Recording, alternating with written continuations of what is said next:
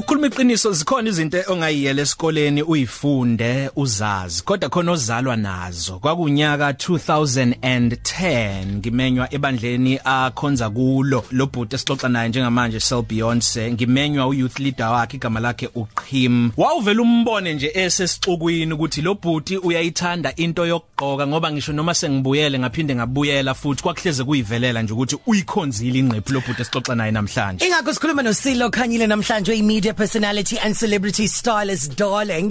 Ha khona la emsakazweni ukhozi FM. Siyabona siyakwamukela keke. Officially. sanibona ngiyabonga kakhulu ngizizwa ngisekhaya Ngempela? Ngempela, Ayanganethezeki kakhulu dala kuyona inethezeki Ah, sure. ngadala. So ushile ngomsebenzi wakho wenzani kahle kahle? okay so mina ngisebenza e Sondela empopweni. uh, ngisebenza e Gateway esi squared Mm-hmm. um as a store manager. However i, i, into esiyenzayo into esiyenzayo khona uh, basically siqokesa abantu from i matric dance to ama event abakhona to imshado so everything nje that talks to suiting everything that talks to the image yabantu iyona into esiyenzayo.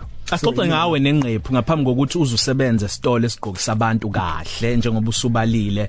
Wena kuhlabe nini umxhwele lento yokugqoka noma ubukeke kahle? And kungani futhi? Kuzo zonke izinto ongayikhetha ukugqoka kwaba into wayikhetha Okay so la kwaqala khona I think eh yas- yasuka ekhaya lento ngoba namanje bangibheka umkhulu bangibheka ubaba nje oswenka nje oswenka oswenka oswenka so um lento ngathi into engakhula nayo noma into engayincela ebeleni from ekhaya. So even bengikhumbula back on campus ngisase DUT eh because angizange ngifundele fashion. Ngisase DUT ngangasigqoka iskip eh ngangihlale ngigqoka ishirt. Mengigqoke i iskip ngizosenza nje sibe fashionable yabo? Nama shorts ngigqoke short shorts o skin ngiyakhumbula Oh, eh, short shorts. yeah yes. Yakuchaza ke leyo. Pray tell. yeah so also nama skin ama skin engakogqokwa kakhulu you know so ngiyakhumbula abantu baze bebethi hey yabo lezi zinto zosilo le you know so kade yaqala nje lento yok- yokuthanda ukugqoka kahle nokuyipresenta kahle because akona ukugqoka ukuyipresenta kahle bantwini. Yeah, yeah. Yeah. So um ubani ongenza lo msebenzi lona like I mean u- u- umuntu o- othanda kakhulu ingepho njengoba usho wena I mean sikhona isidingo ukuthi mhlawumbe ukuthi ngize ngihambe ngiyokufundela mina wena uzange uzokufundele oh. Okay so mina angizange ngifundele iningi lento le um so in in in, in the whole style styling thing iningi so khona you can be a stylist which ungakufunda a- akukho isikole la ungakufundela khona it's just that uyakuthanda ukugqoka and then you can also go into retail um so that's the more professional into oyifundelayo Ey'tolo, ey'pa- Ey'tolo, ey'dayisa yabo, impahla. e- e- e- edayisa impahla basically. Yeah. so ungaya ungaya kulomkhakha which akhona ama course afundelayo ukuthi ungene kaloko but ukuba stylist more than anything nje ukuyithanda thanda ukuthanda ukuthanda. Nokwazi ukuhlanganisa izinto donse lapha yana lapha ukukhala coordinator yeah. So ngihamba kodwa how far? Like I mean umsebenzi wami ngithatha ungibike kuphi nendawo? Eh asibuke ibanga lawo wona umsebenzi. Uhamba uphelele nje kuphela la ukuthi eh kusasa ngifuna any client amanye ama clients nani nani I mean uyayibona i vision 10 years u- u- u- mawusuka la? Yes yes yes ngiyabona definitely. Um so mina eyami vision as usilo ngithi mangibuka iTV um mhlambe ngibuka whatever show engibukayo so khona la kubhala khona ukuthi wardrobe noma ngiqale la wonke umuntu ombonayo kwi any production noma yini oyibuka ku TV akavane nje afike egqoke noma yini khona umuntu omtshelayo ukuthi kumele ugqoke kanje kumele ugqoke kanje uportray le image le yalomuntu lo mhlawumbe umdlalayo All right. Yabo. So sikhuluma ke nenhlukulumo engxoxo yethu kanye noSilo Khanyile okhona njengamanje media personality and celebrity stylist 28 after 2. kuza nama Durban July uzositshela ukuthi ugqokisa obani nokuthi eziphi izinto njengoba sikulenkathi singena ebusika izona ziphi izinto ezigqokwayo futhi igqokwa kanjani Silo namhlanje cabeça. Media personality and celebrity stylist. Kuyakwenzeke we- wesilo uthola ukuthi uza kumuntu eh okule industry odumile. Ngenzeka uyacula noma uya act njalo njalo noma umsakazi. Uthi eh, nginombono ukuthi ngibe istylist sakho. Uthola ukuthi leyo nto ivela imdini athi oh uqonda ukuthi mina indlela engiyigqokisa ngayo mhlambe ayi- ayinhle Oh my gosh um ngiyaxolisa ngaphambi kokuthi uphendule.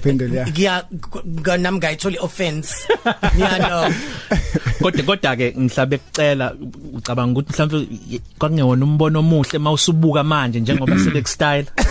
Eh eh na awona umbono akuwona umbono omubi kodwa umuntu usuke ngoba angithi ngingaka understand iqala ukuthi oh umsebenzi kahle kahle Umsebenzi. womuntu Yeah, lona yeah. actually you know ngasengathi actually uyayidinga lento ukuthi kube khona umuntu onakekela ukuthi wena eh ubuka kanjani qala ngangibuka ukuthi uqothi ngikhoya kampini wena wesh Shame. Iyenza into enjalo? Um yes ikuyenzeke kakhulu futhi um especially ngizothi la eThekwini um Oh. la eThekwini abantu abaningi abako understand ukuthi styling is it's a service and i- mo mo mo- mo umuntu noma mo personality we business Yeah. so into ebalekile indlela oyipresenta ngayo ebantwini ngisho akuyona isuit uqoka kahle akuyona isuit but indlela oyipresenta ngayo so ibalekile so if ba aba approach abanye abantu kuya depend on ukuthi nawe ukhuluma uthini kumuntu usho kanjani lokho kushoyo so mhlambe lo wa- approach ase azangasho kahle yabo kodwa kubalekile ukuthi uthi umuntu um approacha Yeah. um approach ngendlela e right Uthola ukuthi bekunama awards amasama Yes. kwakhona umuntu ogqoke kambi.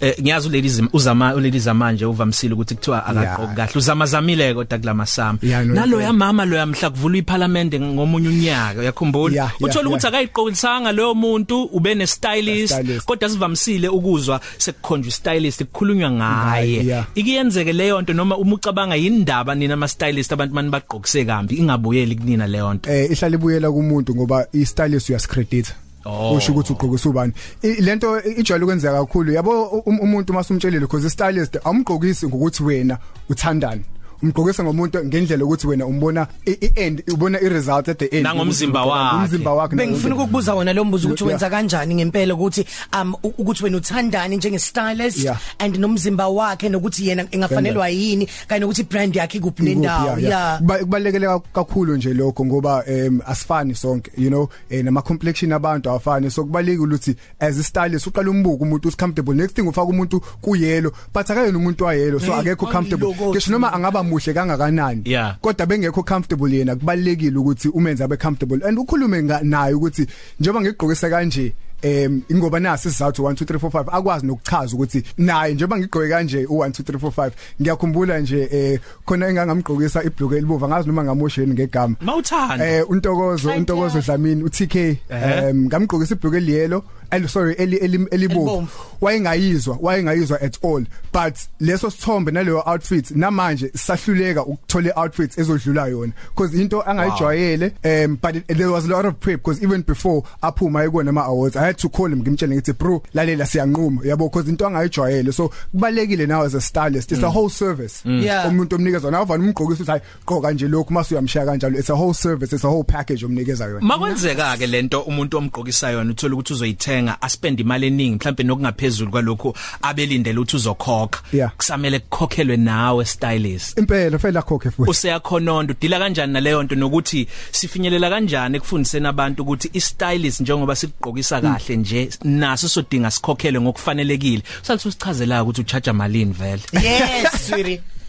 Okay so um um um, um before umuntu uqale u- u- u- u- um consulting naye fanele usho ukuthi khona i fee yakho um kuyahluka futhi ukuthi uyenza kanjani. Khona abathi okay ngizokcharge per hour. Khona umunye othi ngizokcharge per outfit yabo? Kuyahluka ukuthi wena iphi indlela ucharge ngayo. But kubalekile as well ukuthi in it's either if mhlambe let's say you're going to buy umthengele umuntu akekho uyamazi usize bakhe uhamba uyomthengela and then i price yakho ungayifaka kwi kwi- mhlawumbe lese yonke into 5000 ungafaka ukuthi okay kuzoba 6000 uyazi ukuthi wena u1000 owakho uyabo Hawu, kanti The- the- nenza njani? no i- iziningi indlela ongenza ngayo mina ngenzi kanjalo nje siyakhulumisana Igebengu kahle futhi. ngikutshela ukuthi lalela njengoba siyoshutha mhlawumbe lese music video Yeah. njengoba siyoshutha music video um so shootha 3 hours u3 hours if yami 2000 bengabe 2000 you Yeah. know so kuya depend ukuthi what occasion um na kanjalo yeah Mm. Sibonga kakhulu ngwane mfethu utholakala kuphi enkundleni zokuxhumana kubantu Eh. abangathi hey sifuna ukumbona lo stylist ukuthi kwayena uyawuhlanganisa yena ukotini. lalela nani insuku ziyasondela futhi zebusy kakhulu Yes yes yes no ngikhona um Silo K on e Instagram uh Silo K on Twitter Silo Khanyile ku Facebook eh futhi ungangibona ke lapha ka Sisquid yabo nje kubi kubi kube nje bawu July woza kumina eSisquid uzobona nabo besimame sesinabo they going to look really good sirid sirid ayaphi cha ngiyadlala abeze Usilo Khanyile, i-media personalities and celebrity stylist besixoxa naye. Siyabonga ngwane. bye sila No Siyano, so Beyonce, kukhozi FM.